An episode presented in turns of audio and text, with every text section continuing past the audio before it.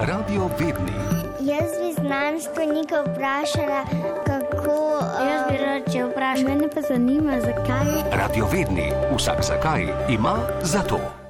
Ja, in na valu 202 si vsak teden odmerimo po en radiovedni izziv, ravno prav torej, da ohranjamo naše možgane fit. Zdaj le pa je čas za radiovedni multi-izziv. Frekvenca X je danes odstopila radijski eter radiovednim, ki bodo zelo dinamični, živi in predvsem iskrivi v odgovorih. Eh, Maja Rataj, ampak najprej na začetek, eh, ko snovam, kdo so radiovedni, odkot črpate izzive? Ja, radiovedni so nastali prav na deseti rojstni dan frekvence X. Danes bomo v etru rešili že 150. izziv. Eh, In čisto vse, poudarjam čisto vse, ki smo jih reševali doslej, naprimer ali ima vesolje von, pa kakšna je hitrost kihanja, pa kako mravlje hodijo po stropu, pa do tega, kakšno bi bilo naprimer življenje na ploščati zemlji. Eh, Vsa ta vprašanja ste nam poslali poslušalci, ki ste res neizmeren vir dobrih idej in še posebej veseli smo, ko nam pišejo mladi zvedaveži ali v njihovem imenu njihovi starši. Vsi torej dobrodošli in eh, prav eh, navdušena sem, da bomo danes torej eh, rešili že 150. radiovedni izziv. Odgovorili bomo kar na 8 vaših vprašanj in če se vam tudi zdaj le ali med odajo utrne še kakšno dobrodošli, v režiji se vam bo oglasila radiovedna in dobrovoljna Kaja Ravnak.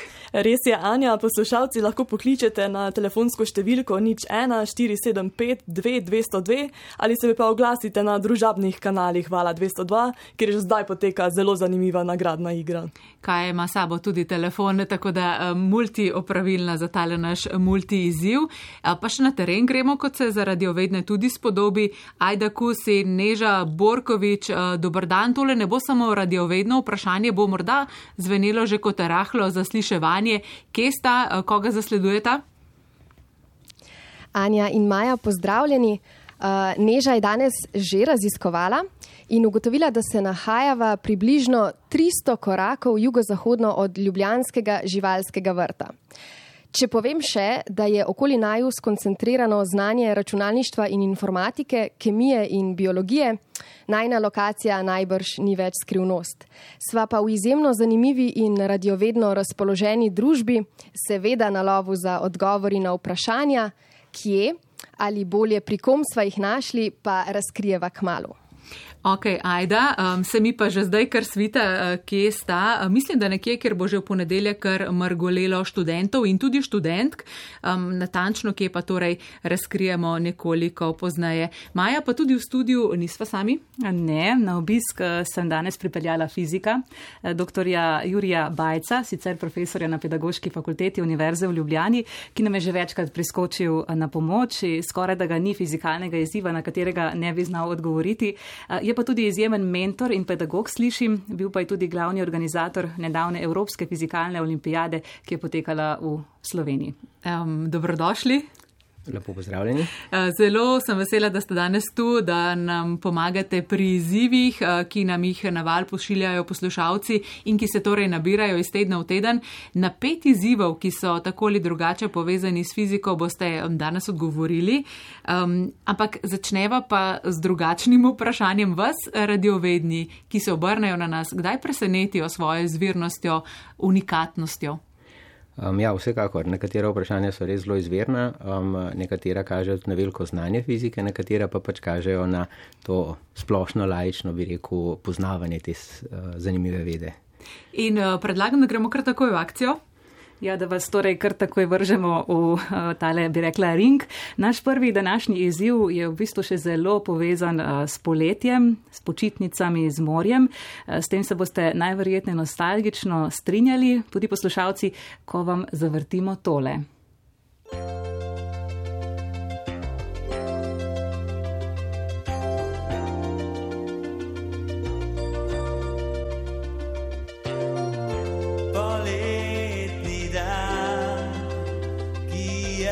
Ja, Slovenci imamo legendaren film Poletje v školki, ob čemer se najbrž mnogi sprašujete, ali se nam samo zdi, ali je vendarle res, da v školki lahko slišimo morje in predvsem zakaj.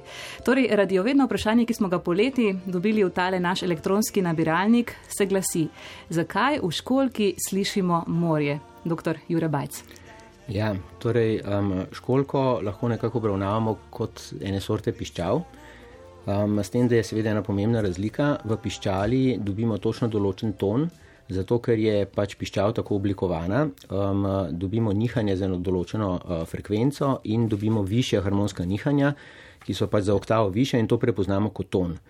Zdaj um, v školki, ki je pa oblikovana pač ravno tako kot nekakšna cev, samo da je ta cev predvsej bolj nepravilne oblike, se pa pojavlja ne samo ena značilna frekvenca, ampak več teh frekvenc, ki so med seboj niso tako lepo povezane kot pri piščalih. In um, tako kot v piščal pihamo zato, da vzbudimo v njej nek zvok, um, tako tudi gibanje zraka, ki se dogaja recimo v bustju te školke, povzroča v školki um, nek zvok, ker so pa te frekvence med seboj nekoliko, ne rečem, pomešane na ključno, je pa to um, šum. In ta šum se seveda um, spremenja, zato ker se spremenja gibanje zraka, ki um, se giblje v bližini školke oziroma ustja školke um, in to slišimo potem kot neko tako spremenjajoče šumenje, kar nas spominja na um, valovanje morja. Vsa zadeva je pa povezana z pojavom, ki mu rečemo resonanca, torej um, piščal piha. Oddaja zvok s točno določeno frekvenco, zato ker izmed vseh treslajev, ki jih povzročamo s tem, ki pihamo, um, piščal izbere samo tiste, ki so značilne za to piščal, in ravno tako školka iz tistega gibanja zraka, ki je nekako naključno, uh, pobere ven samo tiste frekvence, ki so značilne za školko, in to šumenje je to tako imenovano šumenje morja. To gre za, v bistvu za akustični problem v fiziki, ali ne? Um, ja, gre za pač pojav lastnega nihanja, za proizvajanje zvoka um, in pa za pojav resonance. To so ti ključni pojmi za um, pojasnilo, zakaj je šum zveni kot šumorja, šumoškolki. Torej si ne domišljamo, ne, da je. Ne, ne, to zares slišimo, to se da tudi posnet. Tako, to je torej naš prvi radiovedni izziv, zdaj pa gremo kar k naslednjemu. Poslušalec Matjaš nam je poslal še eno zanimivo vprašanje. In sicer ga zanima, koliko smo lažji po dnevi, ko je sonce v zenitu, zaradi njegovega gravitacijskega privlaka, in koliko zaradi Lune, ko je ona najvišje na nebu. In da bo računanje lažje, predlaga Matjaš, smo doma na ekvatorju. Torej, to nas pa res zanima, ali na to, kar pokaže tehnika, vpliva Sonce in Luna. Um, ja, torej, um, gre za torej tri pojave: vpliv Sonca, vpliv Lune in pa vpliv vrtenja Zemlje, torej kje na Zemlji smo. Um, dejansko je vrtenje Zemlje tukaj najpomembnejše, um, zato ker um, si lahko predstavljamo Zemljo kot en vrtiljak in tako kot nas na vrtiljaku nekako vleče navzven, temu rečemo centrifugalna sila. Um, tudi telesa na ekvatorju zaradi vrtenja Zemlje nekako um, vleče od osi vrtenja. Um, v tem primeru, ker je os vrtenja pač v smeri um, severni-južni pol, pa to pomeni navpično navzgor. In zato tehnika na ekvatorju zaradi vrtenja Zemlje uh, pokaže recimo pri, 100, pri človeku z maso 100 kg približno um, 300 g manj kot na polu. Zdaj, um, vpliv Lune in pa Sonca um, je pa posledica pač gravitacijske sile, ki jo pač računamo v fiziki po um, Newtonovem gravitacijskem zakonu. Povezano je pa z razdaljo med dvemi telesi in pa z maso obeh teles. Um, in če vzamemo pač račun za Sonce in za spet maso človeka, približno um, 100 kg, dobimo, da je vpliv Sonca, torej če bi Sonce vleklo natančno bi rekel, ven iz Zemlje, torej takrat, ko je Sonce v zenitu, je ta vpliv približno 60 gramov. Um, torej, 60 gramov manj bi tehnika zaradi tega pokazala, medtem ko je vpliv Lune, ker ima toliko manjšo maso, um, samo ni cela 3 grama. Torej, um, vpliv Lune je mnogo večji zaradi tega, ker Luna po noč sveti ali pa ne sveti, ne, ko pravimo, da nekoga Luna nosi, uh, kot pa ta sila, s katero Luna privlači um, telesa na Zemlji. Torej so tehnice še vendarle, kar bi rekla, verodostojne. Ne? So, so. Predvsem um, je zelo težko se hitro premakniti z pola zemlje na ekvator, da bi naredili primerjavo. torej, vse čas merimo maso na, oziroma težo človeka na istem mestu in potem pač, če tehnica pokaže več, je to zato, ker se nam je masa povečala ne pa vpliv Lune ali Sonca. Da bi bil torej gravitacijski privlak, oziroma da bi, da bi, da bi takšna telesa imela kakršen koli večji vpliv na to. Ne? Tako. Tako. Ja, v bistvu je pa zanimivo pri tem, bi vas kar izkoristila eh, še za eno vprašanje, ne, da si malo možgančke kravžljajo tudi naši poslušalci. Eh, vas prosim za eno tako nagradno vprašanje tudi za nje, da lahko med odajo razmišljajo tudi o tem. Obljubljamo eno zanimivo knjižno nagrado. Velja. Torej, um, kot sem povedal, je recimo vpliv Lune na človeka, ki je na Zemlji, tak, da je um, 100 kg, človek z maso 100 kg, bi tehtnica pokazala približno 0,3 g manj zaradi privlaka Lune. Zdaj si pa predstavljamo, da imamo tega istega človeka, ki pa zdaj stoji na Luni in seveda njega pa zdaj Zemlja privlači. No in nagradno vprašanje je, ne, um, kolikšna je pa zdaj ta sprememba, ne, um, ki bi jo tehtnica pokazala na Luni, to se pravi, koliko bi bilo razlike v, v njegovi masi zaradi privlaka uh, Zemlje. Zdaj, um, tukaj ne povem še nekaj podatkov. Ne, torej, um, Zemlja je približno štirikrat večja od Lune, torej polmer je štirikrat večji, težni pospešek na Zemlji je približno šestkrat večji kot na Luni in pa masa Lune je približno 80krat manjša od mase Zemlje. In to je ključen podatek. In to je ključen podatek. Ja, tako da svinčnike in papir eh, na plano, zdaj le imate čas, da malo preračunate, približno 15 minut vam damo, potem pa vas znova pozovemo uh, za torej vašimi odgovori. Medtem pa, če niste dobro slišali, lahko tole nagradno vprašanje preberete tudi na naši Facebook oziroma Twitter strani. Ja, predlagam, da v miru še enkrat morda preberete, da ne boste uh, računali in prišli do kakšnih uh, nepredvidenih težav, samo zato, ker ste prehitro uh, nekako mislili, da že veste odgovor. 15 minut časa, torej nič 1, 4, 7, 5, 2, 202 in pokličete, ko boste izračunali. Zdaj pa gremo na teren. Prejeli smo namreč eno zanimivo vprašanje, na katerega bi sicer z lahkoto odgovoril tudi fizik, ampak zakaj ne bi bili interdisciplinarni in na pomoč poklicali še koga. Ajda Neža, z katerega področja je torej uh, vajen sogovornik? Anja, ob meni stoji matematik Gašpr Fjauš uh, z Fakultete za računalništvo in informatiko v Ljubljani. Gašpr, pozdravljeni. Pozdravljeni. Uh, dobili smo, ja, kot si rekla Anja, zelo zanimivo vprašanje. Poslušalka Mateja je pri nas poizvedovala takole, ali obstaja neskončno možnosti ključavnic se lahko zgodi, da isti ključ odpira več vrat. In ključ do odgovora imate vi, uh, gospod Gašpr. Ne, neskončnega števila ključavnic uh, enostavno nimamo. Dajmo mogoče začeti uh, z enim bolj enostavnim primerom. Predstavljajte si kolesarsko ključavnico s štirimi obročki, na vsakem je ena od števk med nič in devet. Torej imamo vsega skupaj 10 krat 10 krat 10 krat 10, to je 10 tisoč možnosti za pravilno kombinacijo in recimo ena izmed njih, 6543 eh, je pravilna, ostale kombinacije te ključavnice ne odprejo. Cilindrična ključavnica je en podoben hec. V ključavnici imamo nekaj zatičev, ki jih pravilen ključ eh, s svojimi vdolbinami, eh, dolinicami, dvigne na prava mesta, da lahko ta cilindrični vložek obrnemo. Enostavnejše ključavnice imajo, da nimo pet zatičev. To lahko preverite tako, da vzdolž ključa zatipate pet dolinic. Bolj komplicirane tudi 20.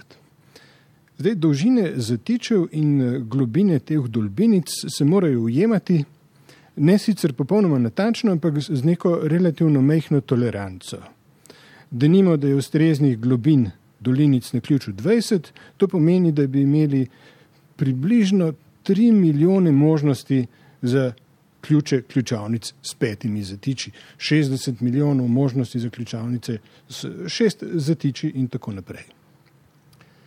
Zdaj, neskončno mnogo ključavnic je res, res veliko. Če vzamemo še tako veliko število, je do neskončnosti še zmeraj neskončno daleč. Tako da neskončno število ključavnic bi lahko naredili samo s kakšnim uh, miselnim preskokom. Uh, to pravilno kodo kolesarske ključavnice, pravilno kombinacijo 6543 si lahko kot z eno metaforo predstavljamo kot decimalno številko, nič celih 6543.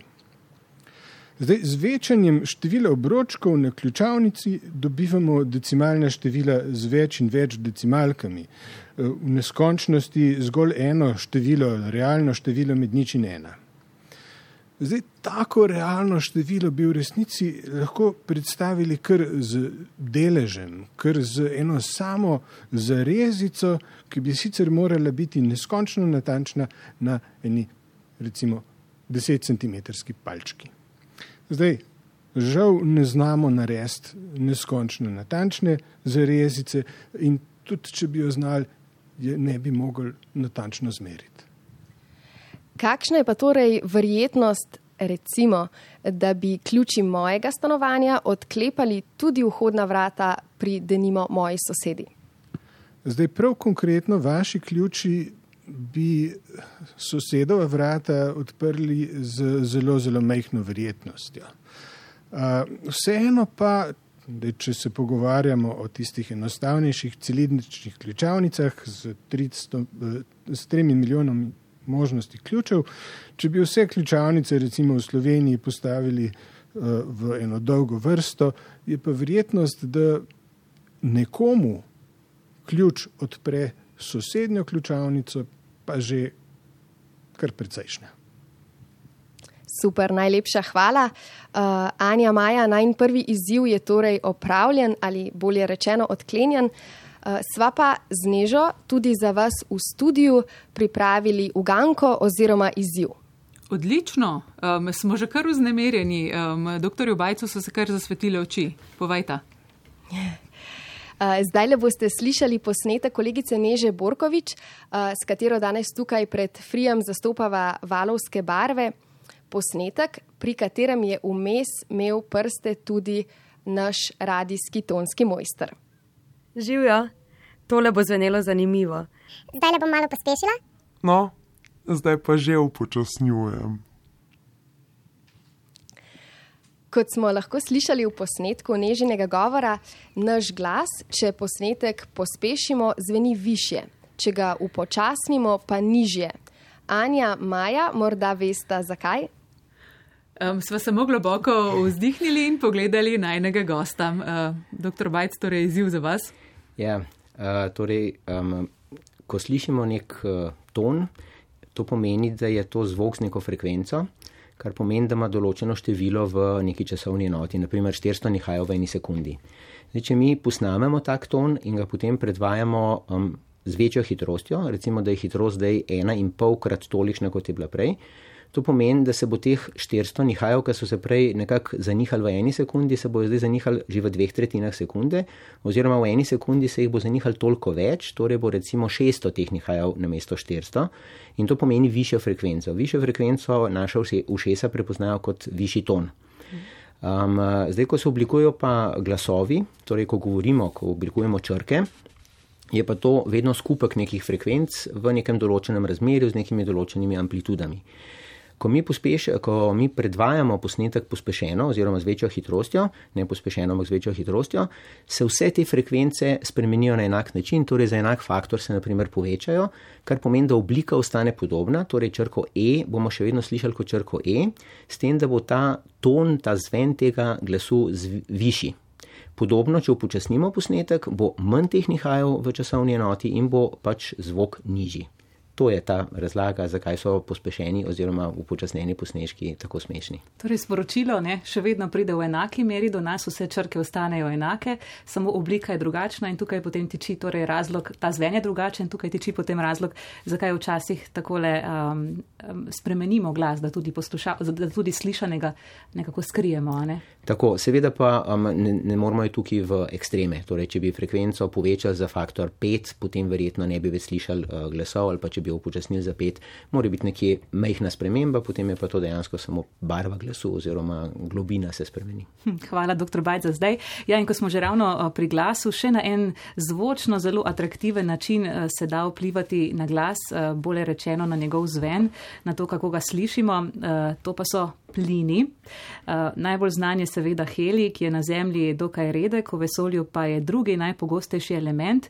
No in prav na helij se nanaša naslednje radiovedno vprašanje, ki pa sta nam ga poslala Nalu in Matic in sicer ju zanima. Ja. Nalu in Matic nas sprašujeta, zakaj se ob vdihovanju helija spremeni višina glasu.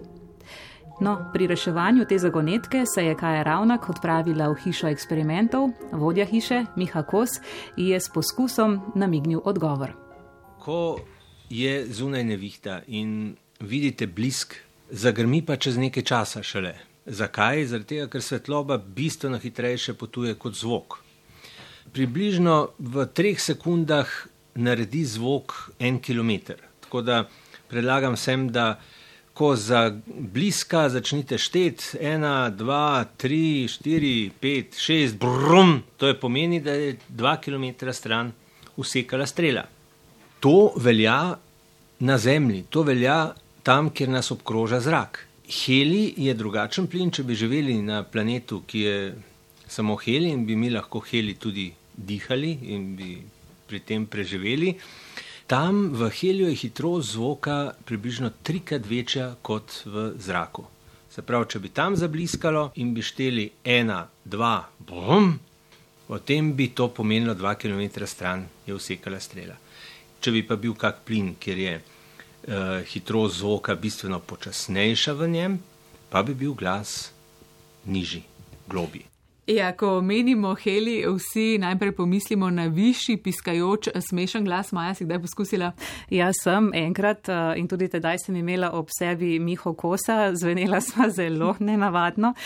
No, za tokratne radiovedne pa nam je učinek helija na zvok, torej zvene našega glasu, demonstriral prav za tole odajo. Ja, ne bi vedel, ampak ne vem, a vi kaj drugače slišite moj zvok, moj glas? Ne vem, je kaj zanimivega, zdaj bom malo vdihoval. Spet postajam jaz in ne tisti nek rad smanjaka ali pa prebivalec nekega heli planeta, rečemo. Ja, ja, to je kar Miha Kos, ne? ampak tukaj moramo še posebej podariti opozorilo. Čeprav je heli najmanj reaktiven od vseh elementov, pa pri njegovem vdihavanju velja, nikakor ne eksperimentirajte z rakom v balonih, ki jih lahko kupite za praznovanja ali na različnih prireditvah. Zmotno mislimo, da je v njih heli, dejansko pa so to za naše zdravje zelo škodljive mešanice plinov. Torej, človeška pljuča so grajena za vdihovanje druge mešanice plinov, ne helija in tistega, kar sestavlja pisane balone, ki jih obožujejo otroci. No, Kaja pa je z Mihom Kosom spoznala še en plin, ki pa je um, ravno nasprotno kot heli takšen, da zniža glas. Zdaj bom pa še vdihnil en drug plin, ki je pa bistveno, bistveno gostejši od zraka in uh, sicer ni nevaren, uh, ne povzroča nekih kemijskih reakcij pri vdihu je pa zelo, zelo okoljsko sporen in ko smo to zvedli v hiši eksperimentov, smo takoj nehali s poskusi s tem plinom. Uh, zdaj pa ekskluzivno, res ekskluzivno za Val 202 in za radio vedne, um, enkrat na leto nekaj tazga naredimo, pol pa ne več.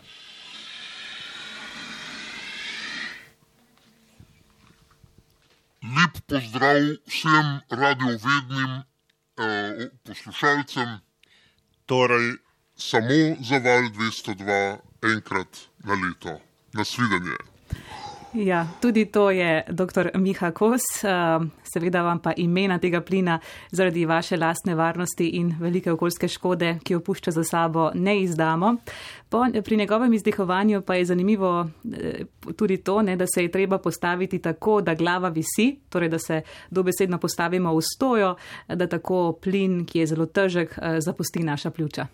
Jaz predlagam, da gremo raje kar za nekaj trenutkov na svež zrak, eh, na Brdo, torej, kjer sta še vedno Neža in Ajda pri fakulteti za računalništvo, ampak sta zamenjali sogovornika in tudi temo od ključavnic k pticama, ne? Res je, Anja. Eh, ptice se ravno v tem obdobju zbirajo za skupno pot v toplejše kraje, marsikatere so že odrinile na to pot. No, ptice, natančneje štorklje, radi opazujeta tudi naši poslušalki Kaja in Katja, ki prek spletne strani Društva za opazovanje in proučevanje ptic Slovenije že nekaj časa spremljata štorkli Ota in Belo. Ugotavljata, da je njuna pot v toplejše kraje vedno ista. Zanimajo, zakaj. In zato je z mano Peter Trontal z katedre za zoologijo na Biotehnički fakulteti. Pozdravljeni. Lepo zdrav. Peter, vi ste poznavalec ptic, jih radi opazujete tudi v prostem času?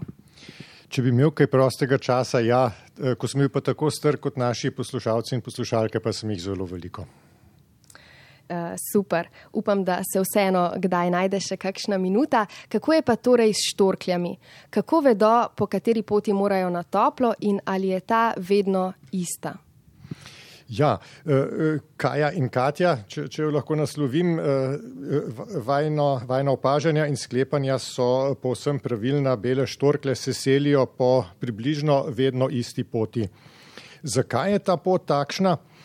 Pa si lahko mogoče najbolje predočimo, če si zamislimo, da isto vprašanje postavljata francoski učenki Florence in Michel. Tudi v Franciji so selitvene poti štorkl približno vedno enake, ampak vseeno čisto drugačne kot pri naših štorklah. Zahodnoevropske populacije se vedno selijo v Afriko čez Iberski polotok in Gibraltar, vzhodnoevropsko pa čez Bospor in Turčijo, tako kot te, ki jih spremljate na spletni strani. Štorklje so namreč zelo velike in težke ptice, ne morejo leteti direktno čez morje, so jadralci, ki izkoriščajo dvigajoče se stebre toplega zraka in se sam, lahko selijo samo nad kopnim. Zato morajo poiskati najbližjo možno pot nad kopnim, ta pa je različna za tiste, ki se selijo na zahod in za tiste, ki se selijo po vzhodni poti. Um, Zdaj, kako je z rojstnim krajem? Prav v, v rojstni kraj se štorkle ne, ne vračajo, vsaj ne vedno. Bolj velja, da se odrasli pari vračajo na uh, mesta, kjer so že uspešno ozredili zarod prejšnjih let. Mladi pari pa morajo svoje mesto za gnezdanje nekako še poiskati in to ponavadi ni, ni točno tam, kjer so se sami rodili. Najlepša hvala za tole zanimivo pojasnilo. No, ko smo pa z Nežo prvič prebrali to vprašanje, se nama, pa, se nama je pa v povezavi s štorkljami utrnilo še eno. In sicer, zakaj pravijo oziroma pravimo, da štorklje prinesejo otroke? Odgovor je Neža poiskala pri profesorici folkloristike Merjam Mencel. Torej, verovanje, da štorkle prinaša otroke, je zelo razširjeno pri slovanih, pa tudi drugot v Zahodnji Evropi, recimo v Nemčiji, na nizozemskem poznajo to enako verovanje. Ponekod so menili, da štorkla potegne otroke iz močvirja ali pa iz morja in jih teh potem v koritu, košari prinese, vrže v hišo, včasih ne bi jih vrgla skozi dimnik. V Belorusiji recimo so poznali tudi štorklo kot masko, ki se je pojavila na praznovanju rojstva novega otroka. Drugod so recimo verjeli, da se bo v hiši, nad katero štorkla kroži, rodil otrok, ali pa da bo kdo sanja štorklo dobil otroka. Zdaj, da bi razumeli, zakaj so ljudje včasih verjeli, da štorkla prinaša otroke, je treba najprej vedeti, da je štorkla ptica selivka. Včasih pa niso vedeli, da v bistvu ptice selivke letijo prek more zato, da bi tam prezimile v toplih krajih, ampak so menili drugače. Verjeli so, da odletijo v deželo, kamor odhajajo tudi duše tistih, ki so v našem svetu umrli. Treba je namreč vedeti, da so nekoč verjeli, da novorojenčki prihajajo z dežele umrlih, da se torej te duše umrlih z onega sveta vsakič znova utelesijo ob rojstvu oziroma v telesu novega novorojenčka, ki se rodijo. Da, da prihaja nekako do takšne izmenjave duš med tem in onim svetom, med svetom mrtvih in svetom živih. Zakaj je zdaj od vseh ptic selil ravno štorkla bila izbrana za tisto, ki naj bi prenašala otroke, pa vprašanje, na katerega ne vemo za res pravega odgovora. Nekateri menijo, da zaradi kljuna, drugi iščejo drugačne razlage. Skratka, prav jasnega odgovora tukaj res ni. Je pa vsekakor bila ta razlaga za štorklo, ki prinaša otroke, en tak primeren izgovor za starše, da so se lahko izognili bolj delikatnim vprašanjem o tem, odkot otroci. Ja, o štorkljah zdaj res vemo ogromno, ampak ne vsega. Ampak mi smo se pa tudi kot ptice selivke zdaj spet preselili v studio. Naš gost je še vedno fizik dr. Jure Bajc in še za en izziv imamo časa. Ja, za zadnji radiovedni izziv ga bomo zdaj le povedali nekako ravno se sklada s tole energetsko tematiko trenutnega obdobja, posredovala pa nam ga je poslušalka Polona, takole nam je napisala. Pozdravljeni, danes smo sami ne fiziki razpravljali in se spraševali, ali človeško telo z oddajanjem energije, naprimer gibanjem, lahko se greje določeno količino vode. Če boste našli odgovor, nas zanima še, kakšno količino vode bi na tak način lahko segreli vsi prebivalci Zemlje. Dr. Bajc. Hvala lepa. Torej, um, zelo na kratko, ja, s telesom lahko segrejemo vodo, namreč človeško telo je toplo in kot tako telo z višjo temperaturo oddaja toploto okolico, približno 100 vatov um, je pa ta moč. In če preračunamo, vidimo, da bi lahko človeško telo samo s to toploto, ki jo oddaja zaradi svoje temperature, segrelo približno 2000 litrov vode za eno stopinjo v enem dnevu. Kaj pa vsi prebivalci na Zemlji potem? To pa bomo še preračunali, ne? zdaj le, eh, je ravno dovolj časa med poročili, da to nekako uh, postrežemo in premeljamo v glavi. Tako, um, tisti, ki ste bili z nami od 12. zelo dobro veste, da v zadnjih 30 minutah na valu 202 nismo le odkrivali tople vode, ampak smo med drugim zastavili tudi nagradno uganko in še enkrat vabimo, da um, izračunate in se nam oglasite čez nekaj minut, niče na 475 2202 za tiste, ki dobro in hitro računate, čaka vas lepo knjižno darilo, se torej slišimo čez nekaj minut. Radio Vedni. Jaz bi znanstvenika vprašala, kako. Jaz bi rad, če vprašam, mene pa zanima, zakaj. Radio Vedni, vsak zakaj ima za to radiovedni imajo toliko energije, da smo jim namenili še nekaj minut tudi po novicah na valu 202, medtem ko ste vi poslušali kaj novega po svetu, smo mi segrevali vodo, še kar, vsi skupaj. Ja, torej, ostalo nam je še neodgovoreno vprašanje od poslušalke Polone, neki nas je čisto na koncu vprašala, torej, kakšno količino vode bi na tak način lahko segreli vsi prebivalci eh, Zemlje in dr. Bajec je zdaj le eh, med poročili računov, pisal, primerjal in ima odgovor za nas torej, če upoštevamo, da je na Zemlji približno 8 milijard ljudi, um, potem ugotovimo, da bi um, ta količina ljudi, če bi en dan segrevali vodo s svojimi telesi, um, segrela približno 16 milijard kubičnih metrov vode. Zdaj to je nekaj, česar si verjetno ljudje ne predstavljajo, zato bom poskusil to še ilustrirati. Um, če bi postavili recimo um, 10 nogometnih igrišč skupaj, pa potem 100 metrov visoko, No, tisoč takih kock bi se grel za eno stopinjo, oziroma približno tisoč prostornin šmarne gore. pač ljudi je zelo veliko. Ne? Ja, in to, to je. je podatek za današnjo uh, energetsko krizo, morda pa se komu kaj utrne. ja, z gibanjem se marsikakšna zagata reši, uh, to ugotavljamo. Uh, imeli pa smo tudi nagradno vprašanje, tudi na to bi spomnila, da um, še enkrat. Uh, razložite, kaj smo spraševali in potem kaj z odgovori. Kar nekaj ljudi je poslušalo in uh, se opogumilo s svojim odgovorom. Torej, spraševali smo, oziroma bom začel tako, povedali smo, da Luna človeka na Zemlji, če ima ta maso 100 kg, privlači s tolikšno silo, da temu pripišemo nekako um, ni cela 3 grama, oziroma če se izrazimo bolj uh, fizikalno, silo 3 milinewtne. In potem smo pa spraševali, če bi se ta isti človek premaknil na Luno, ki ima maso, ki je 80 krat manjša kot Zemljina masa, um, kolikšna bi bila pa potem ta sila, s katero bi Zemlja vlekla tega človeka stran od Lune proti Zemlji.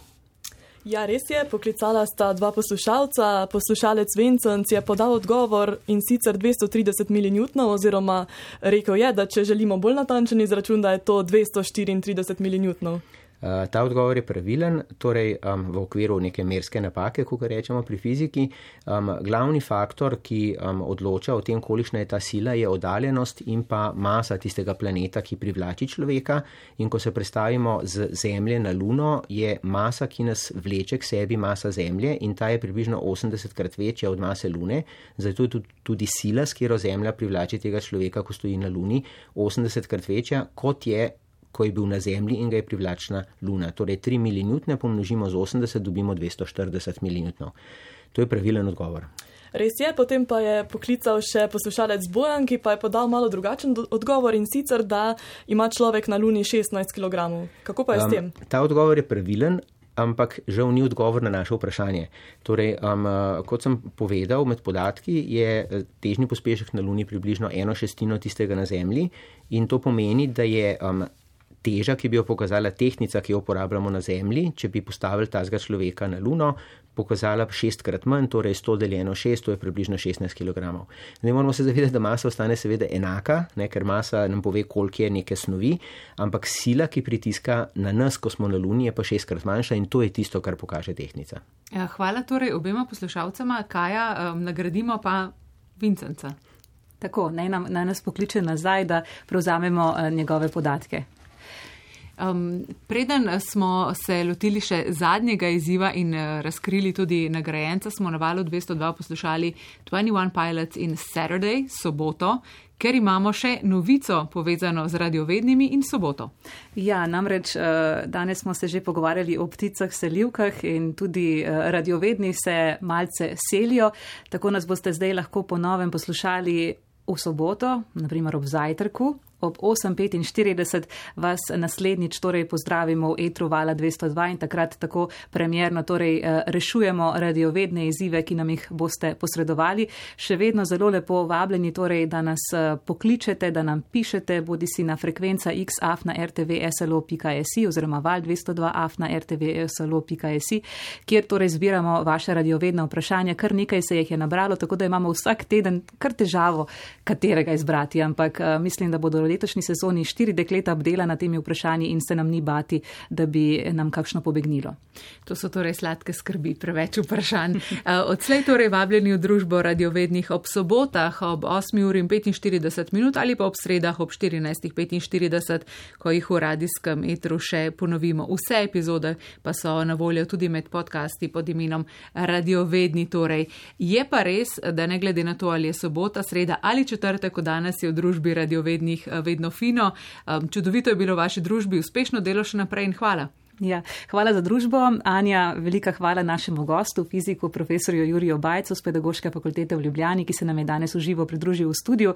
Predvsem pa hvala našim poslušalcem, da ste z nami, da nam posredujete izzive in da ste tudi danes poslušali te naše radiovedne. Bi radi nekaj izvedeli? Radio vedni. Pač eni ljudje iz radia, ki so preveč radovedni.